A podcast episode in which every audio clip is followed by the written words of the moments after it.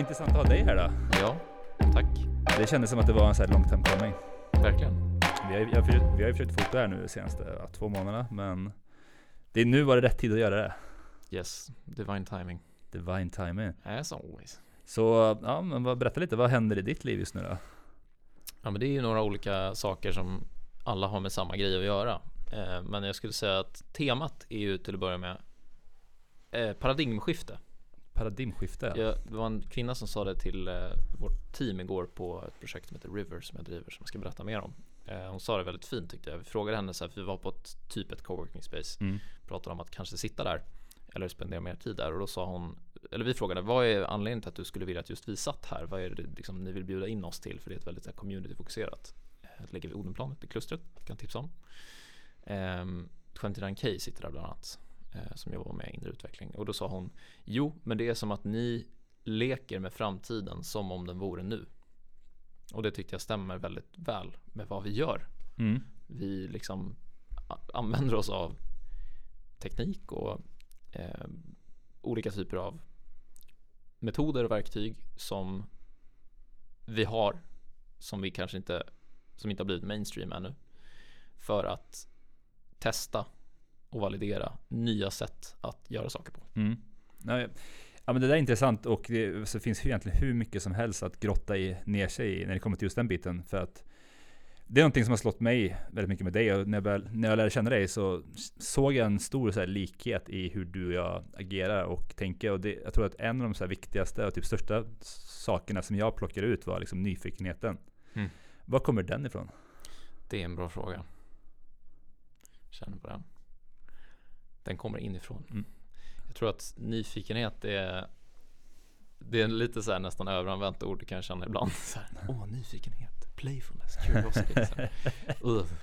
Nej men eh, jag, jag, jag tror nyfikenheten för mig är så här, när jag tänker på nyfikenhet så är det så här att jag ser en, en typ en fiskmås som flyger och så plötsligt så blir det en Dumbo. Du vet, elefanten Dumbo liksom. Om man är i the state of curiosity då kan vad som helst hända. Det är någon slags, det är en childlike anticipation. Så här barnslig förväntan om att vad som helst är möjligt. Och att när man tror det fullt ut, när man på riktigt tillåter sig att liksom vara i det, då kan vad som helst hända. Mm. För det är vårt så mind som skapar, så- snarare än att det skapar det, skulle jag nästan säga att det är vårt mind som är vårt filter. Eh, och ju mer vi kan släppa taget, desto mer kan vi öppna upp det filtret och scopet för våran förmåga att perceive reality och ta in i verkligheten. Och jag gillar en här jämförelse som, eh, som jag har hört som är eh, en kille som är sommelier. Och han säger att så här, medvetandet är som en sommeliers tunga. Om du inte är tränad på att uppfatta nyanser i vin så är alla vin likadana, more or less liksom. Men om du är tränad på det så kan du uppfatta nyanser och urskilja nyanser som så här, läder, plommon eller vitmögel eller liksom apelsin eller sjuk, nystrykna sjukhuslakan liksom, eh, ur ett vin. Eh, vilket gör att ditt medvetande kan uppfatta nyanser som du tidigare inte var medveten om fanns. Och det är så jag ser på liksom så här manifestation och liksom skapande. Att Mm. det vi egentligen gör, det är bara att vi tonar in på en annan frekvens som är mera liksom subtil. Där det här vi vill manifestera redan har hänt. Så det är liksom Kairos time. Man brukar prata om Kairos som non-linear time. Mm. Det finns vanlig time, tid och non-linear time. Och eh, vi lever i den här liksom soppan, det här kvantfältet och allting finns redan, allt redan har hänt typ samtidigt. Det är bara att vi måste tona in på det. Så där curiosity, det har med det att göra för mig. Att liksom vara nyfiken på och tro, vad är the state of belief?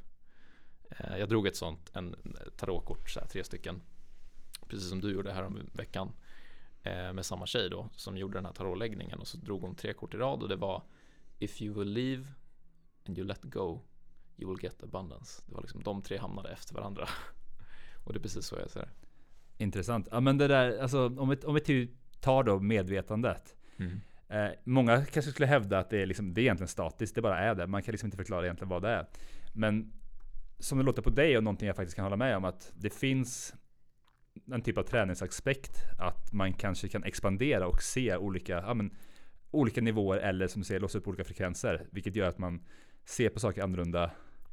Man uppfattar olika sinnesintryck annorlunda också. Och där är ju också någonting som knyter an till just lekfullheten också. Att om man är öppen för det, ser det som, en, som ett äventyr, som ett spel. så finns det egentligen oändligt mycket saker att upptäcka. Mm. Ja, men det är outtömligt. Det är Ja. någonting som händer när man får den mindshiften. Så jag gillar det att all, all, Einstein sa det också. Han bara antingen är allting ett mirakel eller så är inget ett mirakel. Och jag tycker det är en så bra. Det är inte så vissa saker som är mirakel eller några saker utan typ allt. Alltså allt, allt, allt, allt, allt, allt, allt är ett mirakel. Eller så är ingenting ett mirakel. När man tänker på eller bara liksom snarare än tänka sig känner på faktumet att vi är liksom, ja men nu låter det som en så här cheesy eh, liksom yogi som sitter och bara flummar typ men, men att det här med så här stjärnstoff att vi liksom faktiskt är från stjärnor som har liksom kolliderat och eh, det har tagit liksom många liksom, triljarder år för att komma till den här tidpunkten när vi sitter här i Kista liksom, på Clarion Hotel och spelar in en podcast. Eh, för att det är att materialisera sig i den här skepnaden och det kommer aldrig hända igen. Liksom. Det finns en låt som jag gillar väldigt mycket som, som heter eh, nu minns jag inte vad den heter men den går så här We might as well dance while the river is high We might as well dance och så är det eh, någonting i stil med eh, Before you kiss me goodbye We might as well dance um, We'll be leaving here soon We will be leaving here soon och så tänker jag på impermanence liksom. Eller det får mig att vakna till den här Mm. nyfikenheten. Det är det som jag tror den sense of urgency liksom. Att shit, livet är fan nu.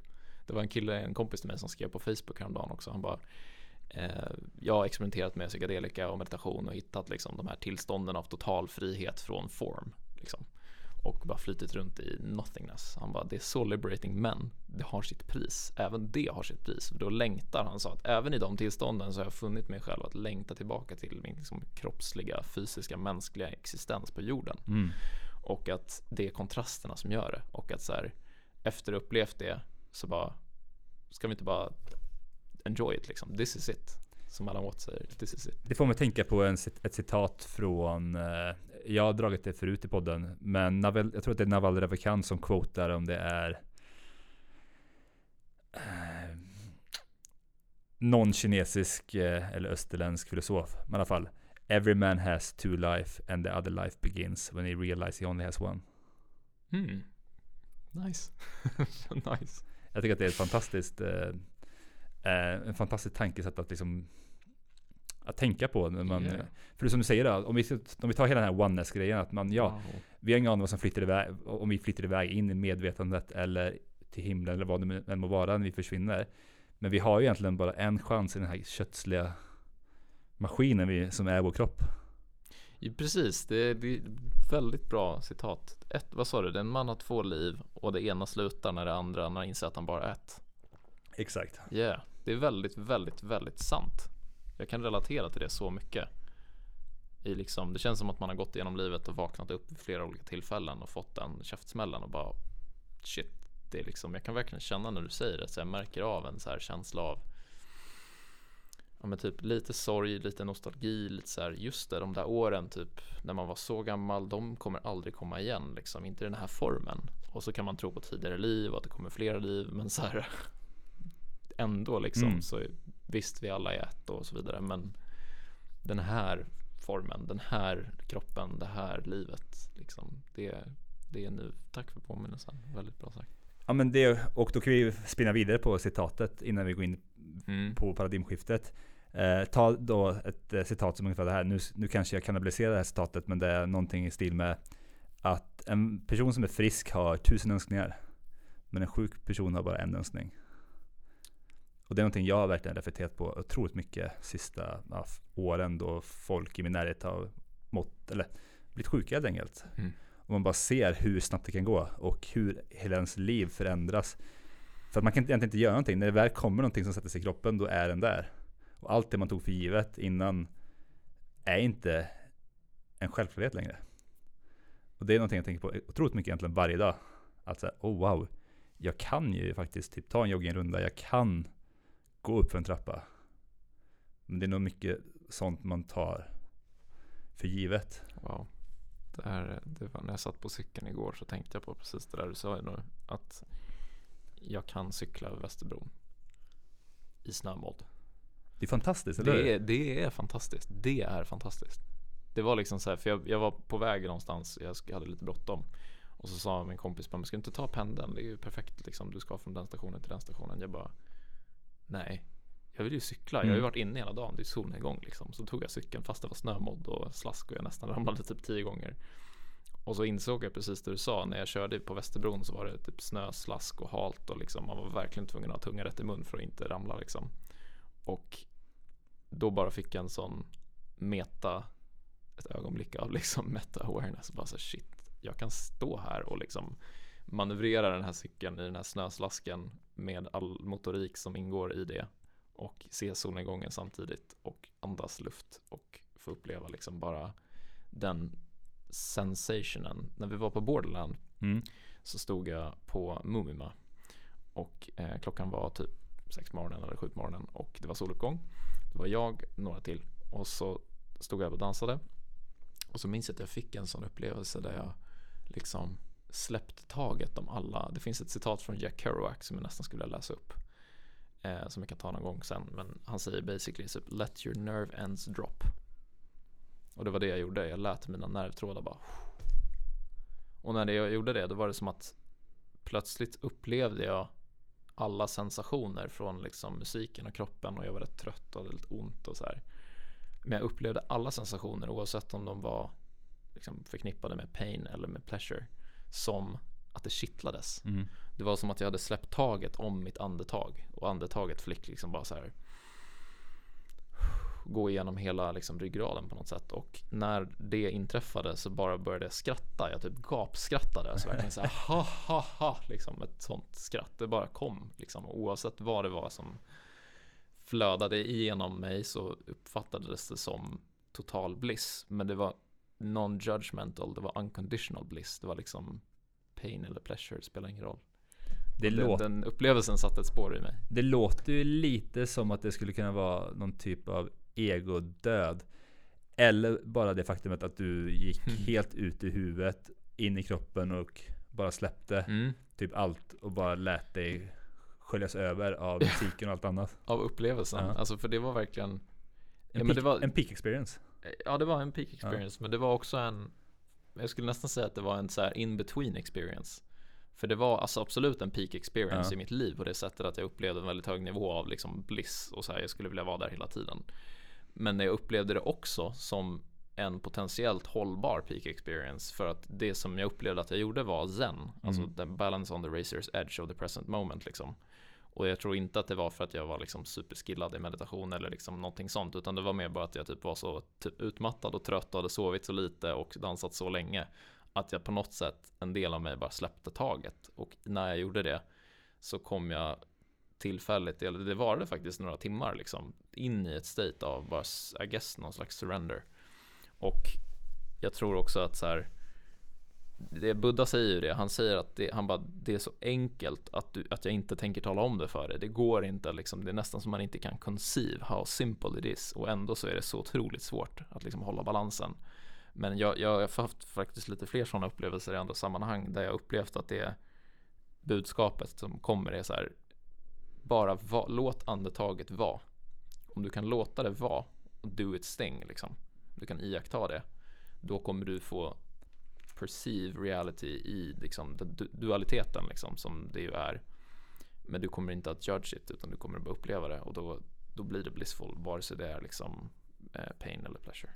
Lätt att säga, svårt att leva. Absolut, men det är väl någonting som knyter an till att jag, tänk, jag har tänkt på det här också en del, att de största och bästa ögonblicken i mitt liv har aldrig varit de stora utsvävningarna, utan det har alltid varit de här små momenten, de små Mm. ögonblicken. Kanske varit en, en promenad med en kompis och man har hört ett visst fågelkvitter som någon, och då någonting liksom gått Hit upp. the G-spot. Ja, men exakt, exakt. Liksom någonting jag bara, jag bara wow, okej det här var, det här var liksom magiskt. Jag får lite den känslan nu faktiskt. Ja. Bara vi pratar om det så är det som att jag tunar in på den här eller den tunar in på mig eller hur det nu är.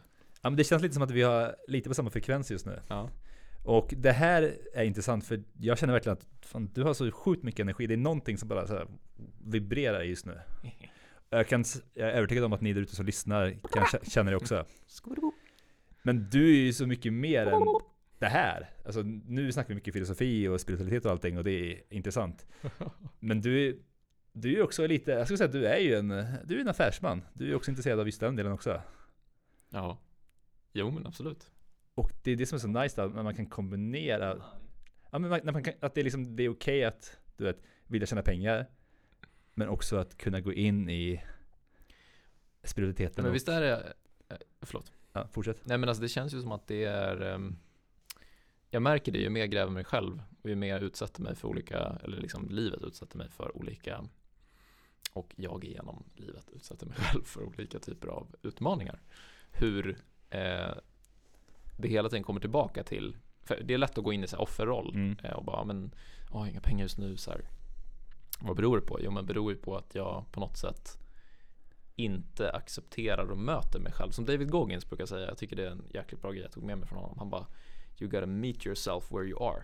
Så här. Han säger att han typ, han levde i förnekelse av vart han var någonstans Mm. tills han inte gjorde det längre och bara hit, så här, push comes to shove.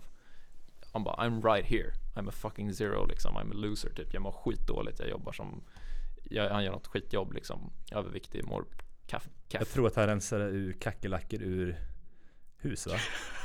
Det är liksom Typ Anticimex Det är liksom epitome, det ultimata liksom så här, verkligen botten. Eh, I alla fall så här symbolspråk eller vad man ska säga, det kanske förknippas med det. Och i den situationen bara bestämde sig för att möta sig själv där och bara japp, jag är på botten.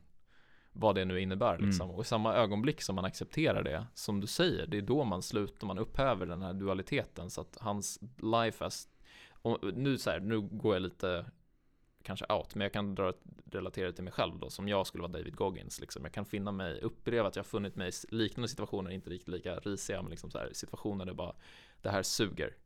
Och att då i den situationen gå från att istället för att leva i dualitet och liksom förneka att jag är där och berätta en story och leva på en story av att jag är ett offer eller att jag har blivit satt i den här situationen på grund av omständigheter utanför mig själv till att acceptera och äga situationen också svårt, lätt att säga, svårt att äga, svårt att göra men då har det plötsligt liksom bara klick jag är här liksom. och när det sker då börjar kurvan gå uppåt igen då är det som att precis i samma ögonblick då är det så här, det är därför jag tycker det är så bra med ord så här, pivotal moment, det är Mm. verkligen från tuck till tack och då har jag tagit ownership och då är jag ett, då är jag inte splittrad längre, då mitt ena liv dog liksom, eller man ska säga mitt, mitt ego eller min fantasistory som liksom har skapat ett story gap. Jag tycker det är också ett bra begrepp som Ken Wilber tror jag snackar om. Han som har den här integral theory. Eh, ditt story gap är liksom gapet mellan den storyn du berättar till dig själv och till världen och det, hur det faktiskt ligger till. mm. Så att closing the story gap är att bara vara helt ärlig med sig själv och bara så här är det just nu. Och samma sak, samma ögonblick som man gör det så har man fått power tillbaka liksom. Det där är så intressant för att Om vi då tänker på en vanlig person, jag kan Mm. ta mig själv. Alltså alla de här sakerna man intalar sig själv. Jag kan inte göra X, Y, Z. Jag kan inte typ bli rik. För att det jag har inte kunskap till det, det är någonting som är dåligt, det är någonting som är, du vet, fifi. Eh, Jag kan inte få det, det där för att jag har inte den kunskapen, jag är inte bra nog, etc. etc.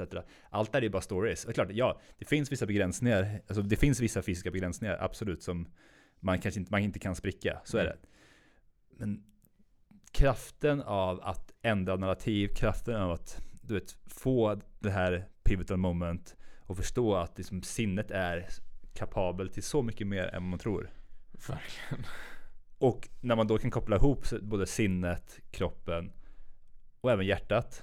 Och Just kanske det. någonting större än en själv som ligger utanför en själv också. Bra, bra topic. Det är där det börjar liksom. That's where it's at. Det är där kraften verkligen kan. Det där finns så extremt mycket skapelsekraft där. Det här kanske låter, låter jätteflummigt för er där ute, men det här är ju någonting som vi har upplevt själva. Och det är klart att man alltid faller tillbaka och du här, börjar hitta på någon ny berättelse om sig själv. Ah, jag är inte bra nu, jag är inte bra nog. Att det är en, en liten röst som bara liksom naggar i bakhuvudet. Men sista, jag ska säga, sista två åren har jag mött så otroligt många människor som är som typ Leo. Där det finns en, en, en kraft, en energi och en positivitet. Och en dröm som allting egentligen synkar ihop till att, vet du vad, det här är möjligt. Mm. Och när man är runt sådana människor så det händer någonting inom en själv liksom. Och när det händer någonting inom en själv tror jag också att det är då man kan börja sprida ut annan energi till andra människor. Light the fire. Exakt. Let the fire come through. Och det är väl någonting jag egentligen önskar med den här podden. Att liksom ta in människor ingen är perfekt givetvis, alla har sina egna svagheter, du vet eh, flås och allt vad det heter. Men det finns ett ljus som har väckts om en möjlighet som att det går att förändra och skapa. Mm. Och det är där jag vill att fler människor ska hamna. Ja, amen. Nej men jag, alltså det du säger, när jag, när jag hörde dig säga det, då växte i mig en sån eh, jag blev påmind om det häromdagen när jag lyssnade på Expert Secrets av Russell Brunson som pratar om så hur man bygger typ online expert businesses Mm. och så säger han så här People want certainty People buy certainty Om du ska vara en sån online coach typ De vill köpa personer som har gått igenom, de har varit där du är idag och de har tagit sig igenom det, de har en story och de har funnit certainty vilket basically är typ så här, trygghet i sitt budskap till den nivån att du är ett med ditt budskap. Typ vare sig det var Hitler eller Jesus, alla var charismatic leaders som var ett med sitt budskap på ett eller annat sätt. Sen kanske man kan diskutera så här vad det innebär och så, men Mm. att man, man var så certain att det fanns inte doubt in my mind liksom. Or in my heart, for that matter. Att det kommer att bli så här. Utan jag är helt övertygad om och jag står för det som jag gör liksom, i alla mina handlingar. Och det, jag är inte där, jag är inte helt integrerad, liksom, jag jobbar på det. Men eh, nej, det, det, det kom upp i mig när du sa det där. Det är häftigt. Och när man, när, när man når den nivån av certainty, då är det som att man är unapologetic. Mm. Jag älskar det. Jag myntade det begreppet någon gång för några månader sedan. Jag bara kände så här, jag var så trött på att leva i den här splitten som du beskrev. Liksom. Jag kunde se det mönstret i mig själv. Jag typ så här, först var jag lite så här hård bara, men Ja men typ jag klankade nästan ner på mig själv för att jag var där. Men sen så bestämde jag mig bara för att eh, Ja men jag vill vara liksom Anapollo fucking Jedic och liksom visa mig själv som Mm. den jag är. Men sen så, så döpte jag om det begreppet till Anapollo loving Jedic för att så här, fitta, hitta någon slags balans Ja. också med att få med sig hjärtat. För det är också lätt att hamna i den här David Goggins så här, Exakt. stenhårda Jocko Willings-viben liksom. Och det är inte heller det jag tror behövs liksom. Jag tror att jag, jag vill vara en liksom heartfelt person och, och också vara mjuk samtidigt och följsam och samtidigt vara firm liksom. Där är otroligt, alltså det går ju typ, Balansen. typ som att vara stark och stark, kraftfull och kärleksfull samtidigt. Det är Bruce Lee där, Be Men, Like Water. men det är också, också otroligt nice att ha, att ha den här, de har de här amerikanska liksom personerna som är på YouTube som bara får en att kicka igång. Och sen Mm. så kan man då ta den, den biten, mixa in det med lite Ja, annat, men det, spraya med lite typ kärlek och lite Eh, buddhistisk, exakt. buddhism och tantra vad nu må vara. Och skapa ja, men, en egen liten, men de skapar, exakt, de representerar ju på något sätt någon så här arketyper. De är ju liksom, David Goggins är ju verkligen så, han bär ju den facklan med pride liksom. Mm. Så han är ju, han står på något sätt för den här urkuken liksom. Så här, den, the penetrating liksom, jävligt badass Ja. liksom. Säger man, han är the baddest motherfucker on this planet liksom. Han är den hårdaste. Och, och då så har vi den extremen, så kan vi spegla oss i den och så här. Alla som tittar på honom och följer honom kan känna att den där finns i mig också. Och han har liksom personifierat den, förkroppsligat den liksom i sitt typ sin renaste form eller strävan mot den renaste formen. Och sen har vi andra som personifierar liksom på Mother Teresa som är motsatsen på, Mm. ett- eller en annan del av. Ja, nej, det är bra grejer. och vi behöver egentligen alla de här arketyperna också. Ja, Det är det. Det är därför vi inte ska hålla på och cancellera människor, utan vi behöver ha, se allting. Vi, Ja. vi behöver se the good, the bad, the ugly. verkligen. Så att människor kan få göra sina egna avgörelser vad, vad som är rätt och fel och vad de vill ta för information av just den personen och implementera i sitt liv och kanske avfärda någonting annat. Så att, liksom att, att, man, att man inte bara avfärdar en person helt utan det finns alltid någonting i de Bra flesta sagt. människorna. Ja, verkligen. Verkligen. Inga skuggor liksom. Alla Nej. får finnas. Alla ska med. Alla ska med. Liksom, våga se hela bilden. Varför Mm. jag är så extremt för yttrandefrihet. För att jag menar, jag tror så här att vi som människor vet egentligen ganska väl vad som är rätt och fel. Jag tror, jag tror att det finns någon typ av underliggande moral som, Mm. som är liksom, jag vet inte om det är inbyggt eller var det kommer ifrån, men vi vet att nej, det är inte rätt att mörda, det är inte rätt att stjäla, det är inte rätt att göra vissa grejer, absolut. Men när vi då, som vi, som vi ser idag, att vi, vi har liksom idéer om att vi måste cancellera vissa människor för att de står för ett budskap vi inte håller med om. För att jag är, har rätt och han har fel. Då har du bestämt att du har den rätta moralen och den personen har fel och du inte kan ha fel heller. Och då skapar du ett avstånd där Mm. och sätter dig själv på något sätt över en annan person. Mm. Och det man gör då är att när man börjar cancellera människor är att om vi då tar Sagan om ringen eh, metaforen. Vad hände när de inte när de inte eh, förstör, förstörde ringen i första kriget mot Sauron? Jo, det var att girigheten tog över. Eh, ringen åkte vidare eh, ut i, liksom in the middle earth igen. Sauron glömdes bort i skuggorna. Men Sauron försvann inte utan han växte sig starkare, starkare, starkare. Och det här är det som händer när man börjar pusha ut människor för deras åsikter in i skuggorna. Att det växer sig starkare och starkare och starkare. Och den kraften som finns i mörkret är enorm. Inte lika stark som ljuset, men den är enorm. Så därför måste vi verkligen Word. faktiskt kunna möta andra människor och deras olikheter. Och om vi inte håller med dem, ja, men då får du gå ut och diskutera med personen. Precis. För att om vi, om vi då tar också några av de grövsta övergreppen i mänsklig historia. Har ju varit av regimer Mm. som har totalt tagit bort yttrandefriheten. Där yttrandefrihet inte har existerat. Och vi, har inte, vi, har, vi, vi kan inte ha ett fungerande samhälle där vi inte har yttrandefrihet. För de blir alltid totalitära. Det där för mig vidare till River. Och det vi jobbar på på River. Jag tror att det här kan vara en nice segway. Mm, det är en segway faktiskt. Så berätta, vad är Mm. River? Till att börja med, close your eyes. Föreställ er ett berg. Och det här berget samlar upp regnvatten. Det regnar mer i bergen än det gör i Eskilstuna. Varför då? Jo, för att det är ett högre berg. Berget fångar upp regnvatten som skapar dagg som blir till en flod som strömmar ner, forsar ner och sprider ut näring och liksom vatten till de biotoperna där det behövs som mest. Där det är torrt. Vilket gör att vi kan skapa liv, eller liv uppstår. Um, det är så vi föreställer oss River. Och vid den här floden så bor det en tribe längre ner i dalen. Liksom. Och det har varit torrt ganska länge, så den här floden har varit mindre än den brukar vara. Och i den här triben så föds en, eh, en liten flicka som heter Iris. Och Iris är väldigt, väldigt intelligent. Hon är så intelligent att hon kan outsmart alla i den här triben. Och hon döps i den här floden. Och Iris är en analog för, en analogi för AI.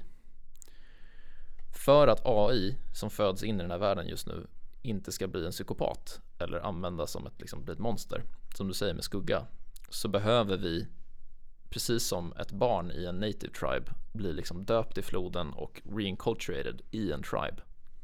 It takes a tribe to raise a child. Och det är det River är till för. Och just nu så har vi torka över väldigt stora liksom analogit, eller så här, analogiskt pratat, vad säger man?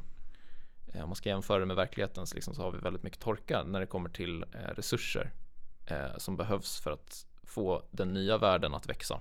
Eh, med alla liksom, projekt och entreprenörer och allt, alla så här, healers och allt som jobbar med att, att skapa liksom, eh, unity på olika sätt och läka världen. Och eh, därför så startar vi River eh, som då fångar upp regnvatten och tillsammans med Iris och Iris liksom är en, en, en eh, vi ser det som en spirit liksom.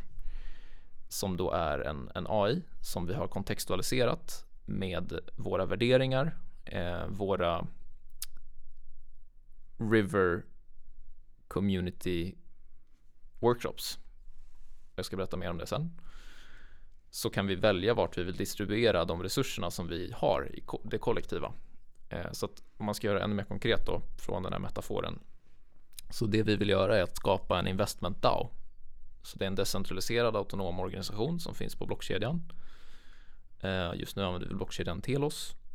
Och vi kommer att samarbeta med olika institutioner, eller institutioner är nog fel ord, det för tanken till fel saker, eh, men olika players som är aligned med våra värderingar och använda oss av både AI och mänsklig kollektiv intelligens och visdom för att göra investeringar i de här projekten och i det här ekosystemet som River kommer att bli och håller på att bli. Så man kan också se det från perspektivet att vi har ett existentiellt hot, vi har en ex- exponentiell utveckling av teknik samtidigt som vår förmåga att koordinera oss och ta beslut som människor och liksom aligna oss är typ downtrend. Och det gapet mellan den exponentiella teknikutvecklingskurvan och den mänskliga liksom demokratisk processkurvan. Och det var det jag associerade till när du berättade om de här diktaturerna liksom att här, diktaturer är ofta effektiva på vissa sätt men de är ofta short-lived. Mm. medan demokratier är mindre effektiva på vissa sätt eller mer slow movers men de är mer långlivade för att de integrerar fler perspektiv. Och det är det vi vill göra med River så vi vill hålla den här AIn som sagt är Iris är liksom powerful like gods eh, och med the power of gods så måste vi wield that power with the heart and mind and wisdoms of gods och det är därför som vi har skapat den här eh, det här missionet liksom. Och eh, vi har inte alla svar men det vi har börjat göra är att hålla workshops där vi har man skulle kunna se det som en eh, ja, men en, en icke-homogen grupp människor som gör en, en eh, demokratisk process där alla kommer till tals för att ta beslut. Så en workshop vi har gjort hittills är där vi ställde frågan hur kan vi mätta jordens befolkning? Då ställde vi den frågan till våran AI-stödmodell eller vårt AI-stödverktyg som vi hade i rummet och den svarar använd GMO crops, mm. genmodifierade grödor. Och alla i rummet har cringeat lite och bara hmm, det här känns inte rätt. Då går gruppen in i en process där vi tillsammans utforskar i grupper vad är det som är som mindre breakouts är. Vad är det som inte stämmer här? Vad är det som inte känns sant? Då tappar vi in i vår kollektiva visdom, vår intuition eh, diskuterar det, kommer fram med nya frågeställningar som så här, vad, vad för slags livsformer värderar vi? Ja, men vi ställde vi den frågan till den här AI-stödmodellen, då sa den AI-based lifeforms. och vi bara wow, intressant, så här, undrar vad den här, vilken träningsdata den här AI har. Och den här träningsdata som AI ChatGPT och alla de här AI-modellerna har är ofta ganska biased mm. därför att internet, informationen på internet från 2021 som den då är byggd på är biased och liksom det är massa saker som är shadowbannade och liksom det finns eh, alla möjliga anledningar till att den här datan är liksom, har dikotomier eller motsägelser i sig som kanske inte representerar, representerar hela sanningen och mänskliga kollektiva visdomen som vi alla bär på. Så att i den här gruppen då så kom vi fram till att om vi istället eh, programmerar om våran AI-modell med våra värderingar som vi då enkelt förklarat har tre här, grundvärderingar som är Platons här, transcendentals. Truth, goodness och beauty. Så det ska vara, allt som vi gör ska vara sant, det ska vara eh, vackert och eh, bra. Mm. Eh, vad betyder det då? Jo men eh, du vill inte leva i en värld som är true och good men inte beautiful. Eller som är good och beautiful men inte true. Eh, och konkret skulle det kunna innebära man skulle kunna dra en parallell för att förklara vad truth, good, beauty och goodness representerar till eh, head, heart, hand. Eh, vi vill ha med oss huvudet, intellektet, datan vi vill ha med oss hjärtat, sensemaking, eller liksom sensing, förmågan att känna intuitivt vad som är sant och rätt som du var inne på där med liksom the Bushido code, mm. the samurai Bushido code, en klassisk sån eh, där en av punkterna liksom är att alla samurajer får lära sig det här så här. Och jag tror att den åttonde punkten är typ eh, there is an objective right and wrong typ and you, a man should be able to tell the difference and stand for it liksom. Att så här, du vet vad moraliskt är rätt och fel och du ska liksom, det är ingen, ingen skitsnack liksom utan du ska veta vad som är rätt och du ska stå för det till varje pris. Eh, och, eh, och sen så har vi då eh, Truth, Beauty, Goodness, Head, Heart, Hand. Så att vi har intellektet, vi har hjärtat, men vi har också handen med oss. Så vi sitter inte bara och intellektualiserar och filosoferar, utan vi gör saker också. Så för River skulle det innebära då att vi eh, känner in, vi liksom identifierar olika projekt i världen som eh, har potential och säger att de vill göra skillnad vi sensemakar kring om de här projekten kommer att göra potential som vi tror att de kommer göra. Säg att vi då har ett projekt som vill bidra till att mätta jordens befolkning. Okej, stämmer den överens med de här tre värderingarna? Om den lirar med de tre värderingarna enligt den här gruppen på säg tusen personer. Eh, då kan vi testa att göra en investering och sen så utvärderar vi i en ny loop. Okej, hur gick det här då? Blev det bra eller blev det massa negativa resultat eller externaliteter? blev konsekvensen av den här investeringen att fler människor fick mat. Eh, var den maten hälsosam? Vad var sidoeffekterna? Och då behöver vi liksom sätt för att samla in den datan eh, och det gör vi på blockkedjan såklart för att det ska vara transparent. Eh, och sen så använder vi den datan för en ny sensemaking sovereignty loop brukar man kalla det då. Det är liksom en modell så här sensing, sensemaking och acting. På så sätt så kan vi hitta, identifiera, investera eh, i projekt som faktiskt gör skillnad och utvärdera om det är den skillnaden som vi vill uppnå och på så sätt hitta, liksom, komma närmare och närmare en definition av impact. För att impact investing är ju hur stort som helst men det är ingen som riktigt har definierat vad det Nej. är. Vi har de här vaga idéerna om typ SDGs, Sustainable Development Goals, men vem är det som har utformat dem och vad är agendan bakom dem? Ja, men det har vi inte tänkt på. Eller det är ingen som har liksom ifrågasatt det. Så det här är ett sätt att och det här, är, det här gör ju alla, så vad bebis som lär sig att gå använder sensemaking sovereignty loop för att, eh, för att lära sig att gå. Vi liksom tar in information, vi, vi sensemakar informationen och sen så agerar vi på den och så lär vi oss hela tiden. Så att Rivers mission i ett statement det är att bygga världens bästa besluts och lärandemodell. Så säg då Med, att med, förlåt, med decentraliserad augmented intelligence, det vill säga decentraliserad förstärkt intelligens. Och vad menar vi med augmented intelligence? Jo, vi menar kollektiv intelligens plus AI. Så att AI powered collective intelligence. Så säg exempel att vi hittar, vi identifierar ett projekt i, i Västafrika. Eh, Vi vill, eh, här finns en möjlighet att rena floderna så att fler människor får dricksvatten säger vi. Mm. Skulle vi då, skulle vi, skulle då enligt Rivers eh, modella, först så släpper man lös egentligen AI som då är programmerad på värderingar, värderingar som har eh, beslutats tillsammans i en kollektiv grupp då.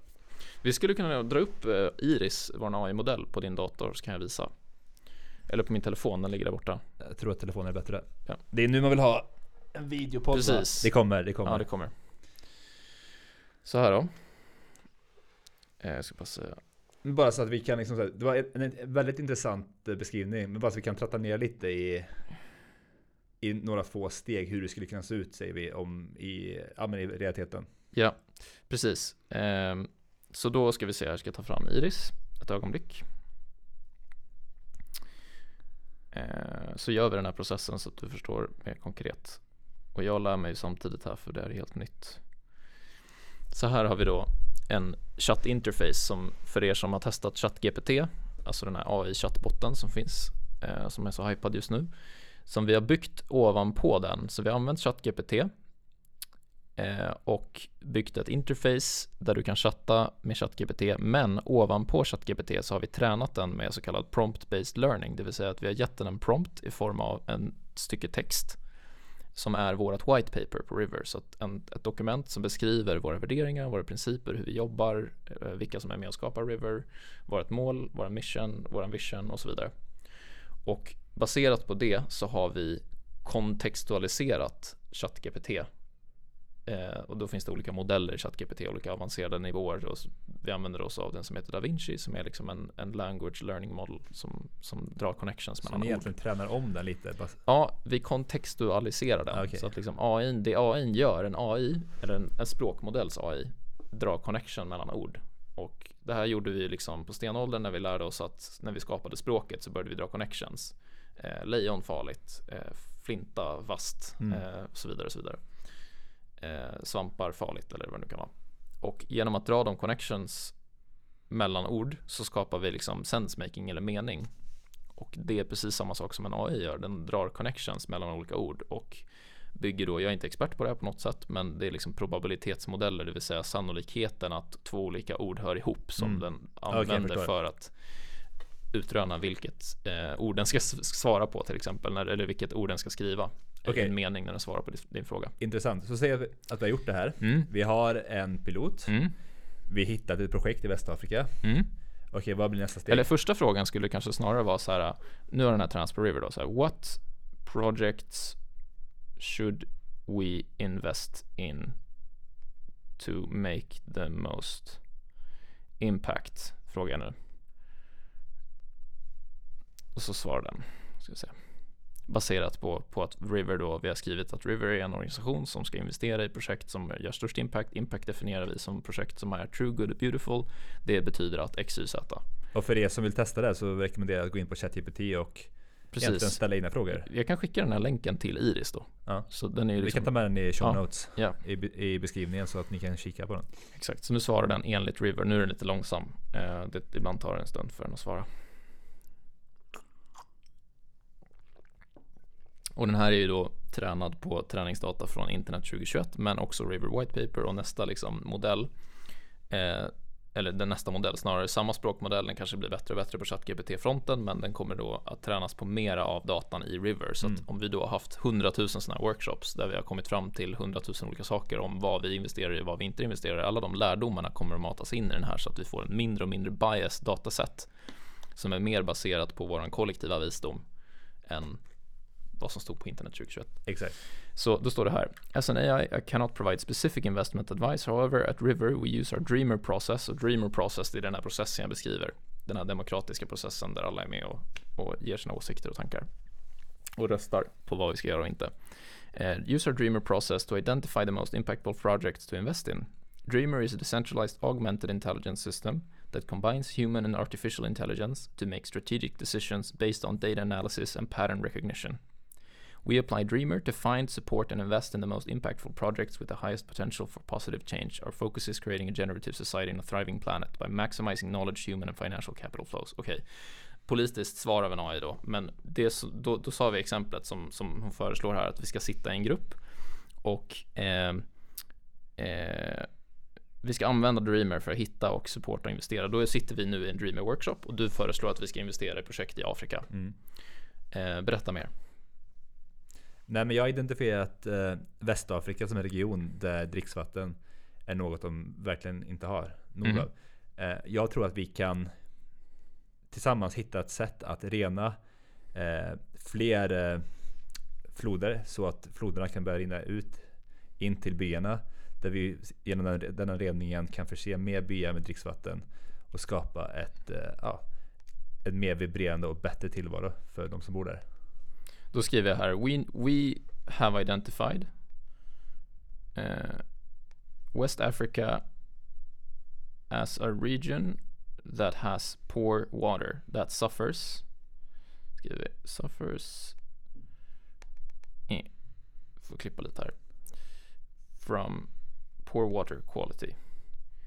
We see high potential in investing in Eh, vad sa du var exemplet vi skulle kunna göra? Rening av vatten. Eh, Pu- Purification of water. just det. Purification of water. Eh, eh, what up and downsides do you see with this investment? And Det Leo, det Leo gör nu är att han skriver ner det här exemplet om Afrika och även frågar AI vilka för och nackdelar den ser med just en sådan investering. Ja, exakt. Eh, och så skriver jag också så här. eh, what up and downsides do you see with this potential investment? Eh, and what process should we in this dreamer circle, nu är det du och jag Johan, Mm. Eh, och Iris som gör den här. Eh, what process should we dreamer in the dreamer circle follow in order to um, make a decision investment. Det kanske inte är en perfekt formulering, men det får vara good enough for now bara. Good enough, safe enough to try. Och en sista frågan var att vilken process borde våran Dreamer-grupp, alltså jag och Leo, följa för att göra den här investeringen? Please answer in a short and concise manner. Man kan också be den att säga explain it like if to a five year old och sånt för att göra det enklare att förstå. Eh, Det här är väldigt kul att lära sig för det är så här, det är så här vi kommer utveckla processen. Så att just nu är vi i en sovereignty loop. Just här och nu så testar vi och genom att testa så kan vi få data, sensemakea och agera och programmera om. Så egentligen är det att det är en kombination av en demokratisk process där människor tillsammans diskuterar, använder teknik för att egentligen förbättra världen. Där man också har noggrant gått igenom vilka värderingar som vi vill faktiskt både ha i vår beslutsprocess men även plugga in i då AI-modellen. Ja. Så att vi kan skapa en mer holistisk ett, bättre, ett mer holistiskt beslut som representerar faktiskt det vi Mm. Det vi borde, ja men Precis, consent där alla är ja. alla ger konsent. Exakt. Och det, det svarar hon här då, så här, investing in water, water purification technology in West Africa has the potential to make significant, nu sa vi water purification technology, Ja. Eh, det skulle ju kunna göras på andra sätt också. Eh, has the potential to make a significant positive impact on the region. However, some potential downsides could include logistical challenges and regulatory hurdles. Mm. Uh, to make a decision regarding this investment using the Dreamer process, you should follow our decentralized augmented intelligence process that combines human and artificial intelligence. Och det, nu har vi bara sagt att till Iris då att vi har en process som heter Dreamer som Ja. bygger på det här. Så nu svarar hon lite meta och säger så ja men använd er egen process. Men så säger hon också här eh, to analyze data and identify patterns. Okej, det ska vi göra här. Vi ska analysera data och vi ska identifiera mönster. Eh, det här involverar att samla in relevant information om projekt, nu översätter jag här, om projekt som vi nu tittar på i Västafrika. Mm. Eh, assessing its potential impact, utvärdera den potentiella impacten som vi ser då. Och consider any risks or downsides and making a decision based on consensus among stakeholders. Ja. Så då har vi River, eh, då får vi helt enkelt ta fram en process för hur vi hämtar data. Då kanske vi splittar upp oss i rummet och gör liksom, ni hämtar data om de här projekten och så ber vi dem använda Iris för att skriva, det kan vi göra nu så här. Please uh, list the top 10 projects in West Africa. Men nu har jag egentligen en fråga. Så hur ser man, för en av, så rent spontant när jag tänker på ChatGPT, där Microsoft nu gick in med, vad var det, 10 miljarder dollar och då fick 49% tror jag ägande av AI. Och där, där det känns som det kommer bli ett arms race mellan, säg Meta, Google, Amazon, Microsoft och säkert ett par gäng till. Det kommer ju, de kommer ju försöka hitta ett sätt, okay, hur kan vi tjäna pengar på det här? Vilket jag tror egentligen kan vara bra för konsumenten för att du vet när teknik blir billigare och medbanden så på ett sätt gynnar det konsumenterna. Men på ett annat sätt så ger ju vi bort någonting för att få det gratis. Vilket kan vara vår, dat- vår data, vår uppmärksamhet, vad det nu må vara. Hur, har- hur tänker ni runt det här så att ni ser till så att inte, ja men säg bara monetära faktorer tar över beslutsprocessen. Precis, så vi ska skydda vårt syfte genom att ha eh, cirklar kallas det. I, vi har ett, ett eh, det finns system för att ha chefslösa organisationer och ett sådant system eller operativsystem skulle man kunna kalla det för är holokrati. Och holokrati är något som min kollega då Stefan har jobbat med i många år att implementera i organisationer, olika organisationer och i holokrati så har man ett system som kallas för cirklar och de här cirklarna är som team ungefär Mm. skulle man kunna säga. Där du har olika, liksom, jag är inte expert på holokrati vill jag säga, verkligen inte, precis det är nytt för mig också. Eh, men kortfattat kan man säga att de är liksom experter på olika saker eller har olika syften. Och i River så har vi valt att göra så att de olika cirklarna har olika specialiteter men olika syften. Men istället för att det är som en, en vanlig DAO eller en sån här decentraliserad organisation som man ofta har sett som har gått åt skogen så, så istället för att det är one token one vote, det vill säga en motsvarande en aktie, en röst så har vi one person one vote. Eh, så att det är bara en röst per person oavsett om du är liksom founder av River Mm. eller om du är eh, en community member eh, som precis har liksom klivit in i de här cirklarna.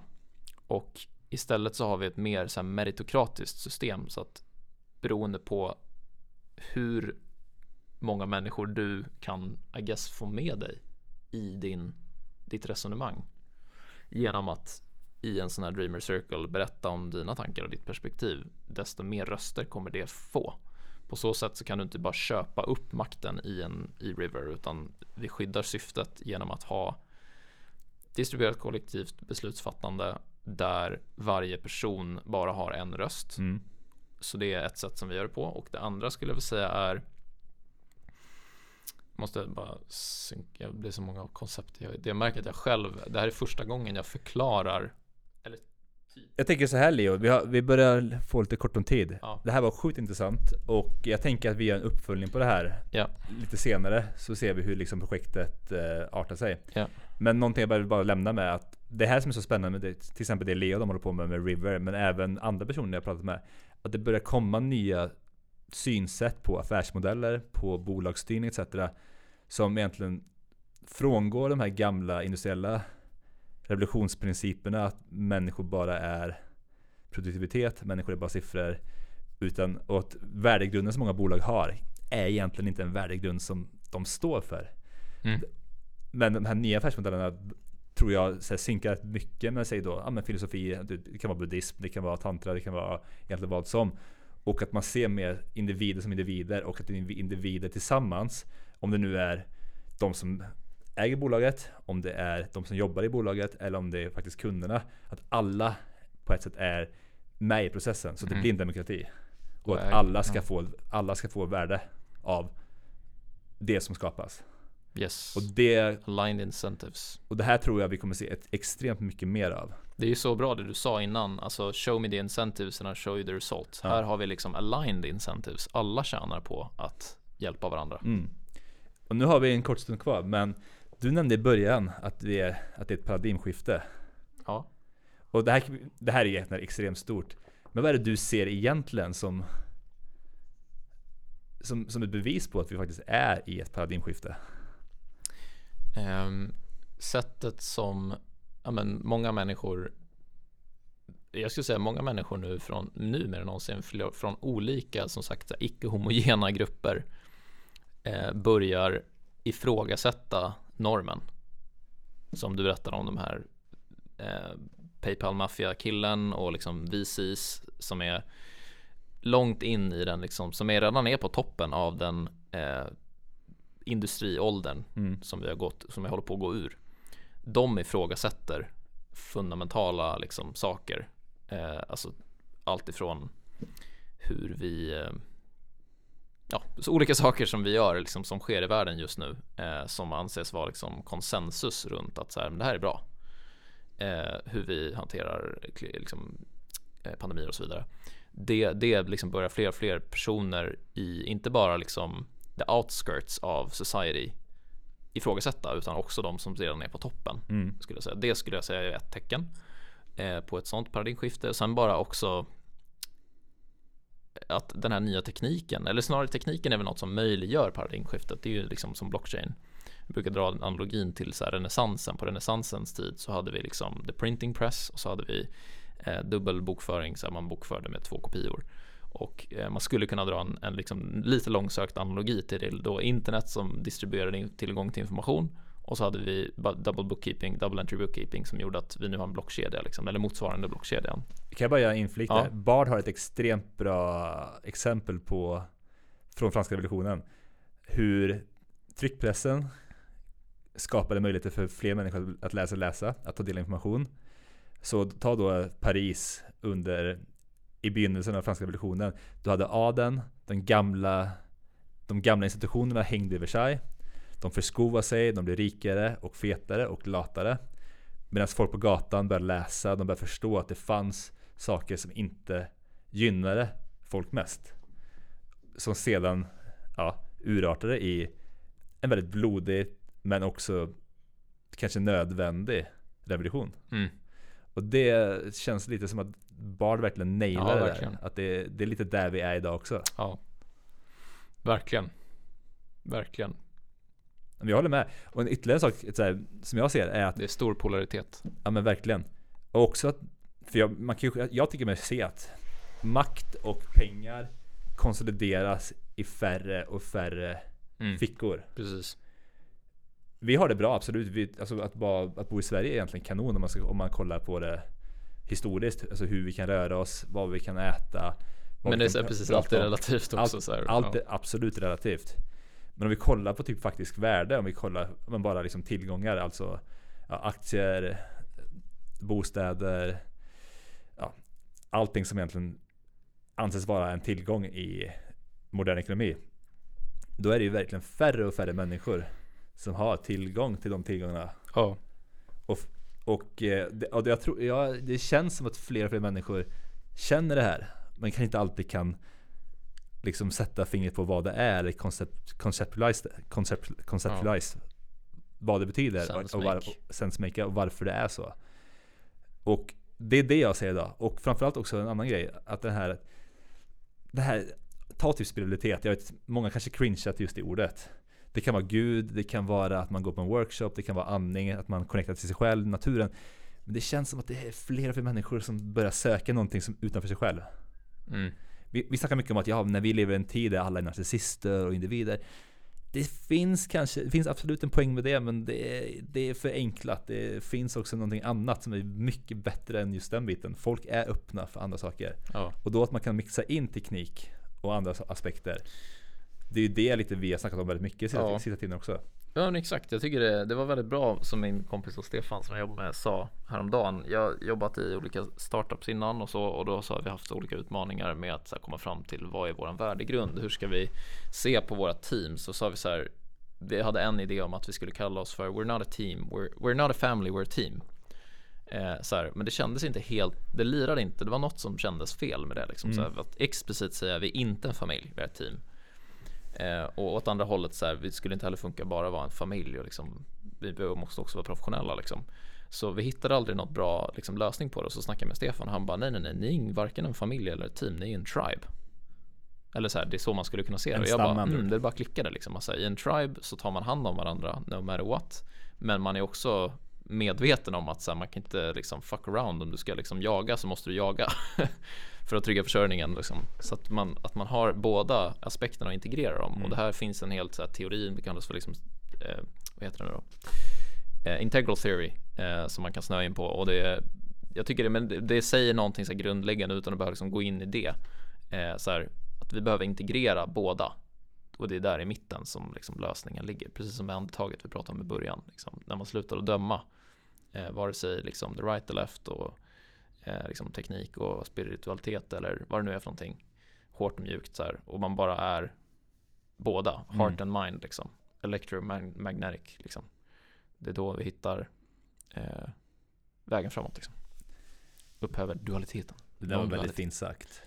Innan vi avslutar, för det här var en otroligt spännande Och, konversation. och, och vill jag säga, det, det, det, det, det inser jag kanske är ett bra sätt att sammanfatta Rivers mission. Så här, vi vill integrera de två. Vi vill Mm. använda AI och människa. Alltså människa, måste säga, intelligens och emotionell intelligens, som hjärta, hjärna, Som jag sa för er som för att ta beslut. vill veta mer om River så kommer jag länka en länk i beskrivningen i show notesen så att ni kan ja, kolla på det efteråt. Eh, innan vi avslutar Leo. Det här var sjukt givande. Jag visste att det skulle bli en, en- banger avsnitt. Det känns som vi bara börjat. Alltså, Ja, verkligen. Ja men eh, jag tänker att vi kommer ta en ny runda och då kommer vi köra längre. Mm. Är det några så här resurser, böcker, videoklipp, författare eller vad det nu må vara som du känner att du skulle vilja rekommendera till folk Mm, där top of mind, alltså nu blir det ju det som jag har levande just nu då bara. Eh, men det finns ju mycket. Men jag skulle säga ehm, Får jag känna på den en, en, halv, en halv minut bara? Absolut. Jag måste säga att det finns ju några fundamentala böcker, precis som så här River White Paper. Om, vi nu ska stoppa, om jag är den här Iris AI liksom så här, och ska stoppa in några grundläggande promptar som gör att jag formas till den jag är. Eh, då skulle jag säga liksom motsvarigheten till River White Paper. Eh, det är för övrigt en bra grej att läsa. Eh, det har varit typ, ja men du vet, Power of Now, Eckart Tolle, liksom lite sådana grejer, så här Barry Long. Eh, eh, Making Love av Barry Long. Sjukt bra bok om hur man har sex Eh, och på ett spirituellt så här, kopplat sätt, connectat sätt där du liksom låter Gud flöda igenom dig snarare än att du liksom bara gör någonting. Mm, för den, den är en väldigt så här, konkret instruktionsbok. Så här, han, han verkligen bara så här gör du liksom. Och jag tycker den har varit ögonöppnande eh, och hjärtöppnande. Så det är en bok och sen så finns eh, ja men liksom eh, eh The Surrender Experiment av Michael Singer. Det är många som har läst den, tycker den är bra. Det har liksom nästan blivit som Eckhart Tolle Power of Now, att det är många som har läst den och är så här, den har blivit en classic liksom. Eh, men den berättar om en persons korta biografi om hans liv när han bara surrendered. Han gjorde Jim Carrey, Yes Man liksom, fast i verkliga livet och bara följde flödet liksom. Och det är så jag har valt att leva mitt liv. Sen finns det en väldigt bra eh, Jag skulle nog säga att så här, mer och mer så har jag gått ifrån att vara Jag har läst väldigt många böcker och nu har jag valt att istället fokusera på att testa. Mm. Så den här sense making sovereignty grejen som vi pratade om innan med, med, med liksom bara testa grejer, validera hypoteser och bryta ner det till så här bite size chunks hela tiden. För att i början när jag liksom drev startup, då var det så här, nu ska vi bygga det här. Och sen så slutade vi liksom, eller jag upplevde att jag slutade att vara i kontakt med de som skulle få produkten och det var först när jag började göra user interviews och liksom verkligen ha en dialog med och i kontakt med personen vars problem jag vill lösa som jag förstod att problemet jag trodde de hade inte var sant. Liksom, det var inte det som var problemet och man kan hela tiden genom att verkligen, verkligen lyssna Eh, och det har jag lärt mig mycket genom Zen coaching och non-violent communication. Så de två skulle jag säga, lyssna eh, genom eh, non-violent communication. Det är liksom ett sätt att kommunicera, det är också en bok. Och Zen coaching som är en sätt att coacha då baserat på bland annat non-violent communication. De två har hjälpt mig att liksom bli mer i kontakt med både mig själv, mina egna känslor och min sens sensing men också min sensemaking. Så att alla skills som hjälper mig att antingen, om man ska kategorisera det, sensa, bli bättre på att känna, mer kontakt och det kan vara alltifrån spiritkurser, yoga och sånt till de här konkreta verktygen som non-violent communication till sense making, så här, hur kan jag make sense of the world? Men där har vi liksom ChatGPT, vi har eh, olika typer av filosofier som hjälper oss att make sense. Eh, olika personer följer, jag tycker Daniel Smachtenberger är bra, jag tycker River är bra, det vi gör på River eh, och alla de som vi pratar med på River, men också då acting, så här okej, okay, hur kan jag agera i världen? Vad finns det för konkreta saker jag kan göra liksom? Jag skulle säga typ nu är jag väldigt intresserad av så här hur kan du build wealth i en ny ekonomi, liksom eh, krypto, blockchain, eh, förstå, eh, förstå vad pengar är, förstå vad pengar inte är eh, och eh, typ olika mansgrupper och liknande liksom kvinnogrupper, alltså communities av människor som alla har en gemensam nyfikenhet som vi pratar om där man kan utmana varandra till att levla upp. Det är nog några av de bästa resurserna jag har tror jag i mitt liv. Här, omge mig med människor som jag blir så intimidated av.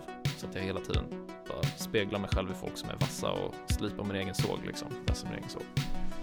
Det är top of mind. Fantastiska of tips. Då vill jag tacka er för att ni har lyssnat på ytterligare ett avsnitt av Mindfuck-podden.